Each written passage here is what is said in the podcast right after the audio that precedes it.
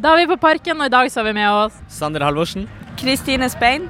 Anton Andreassen. Hvordan har dere det? Kjempebra! Hvem er dere gleder dere mest til å se? Nei, det er vel mest Karpe, egentlig.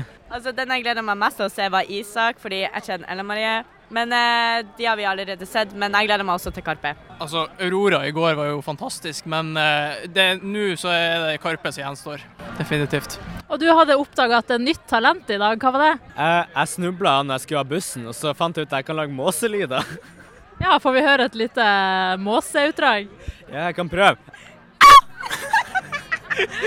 Fantastisk. Hva syns dere om det nye talentet hans? Jeg syns det er helt fantastisk. Kompisen vår hater det, men jeg elsker det. Og jeg sier til han hele tida at han må lage de der lydene. Det var mye bedre i stad, når han var litt mer edru, men jeg sverger ikke at han hørtes seriøst ut som en måse. I love it. Og så lurte jeg på helt til slutt, har dere noen festivaltips til folket?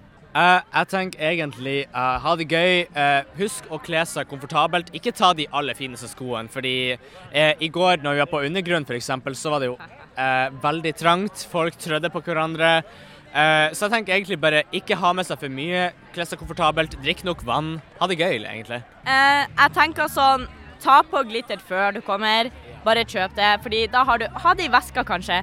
Eh, og så eh, tenker jeg også ta med votter, for det blir kaldt på kvelden.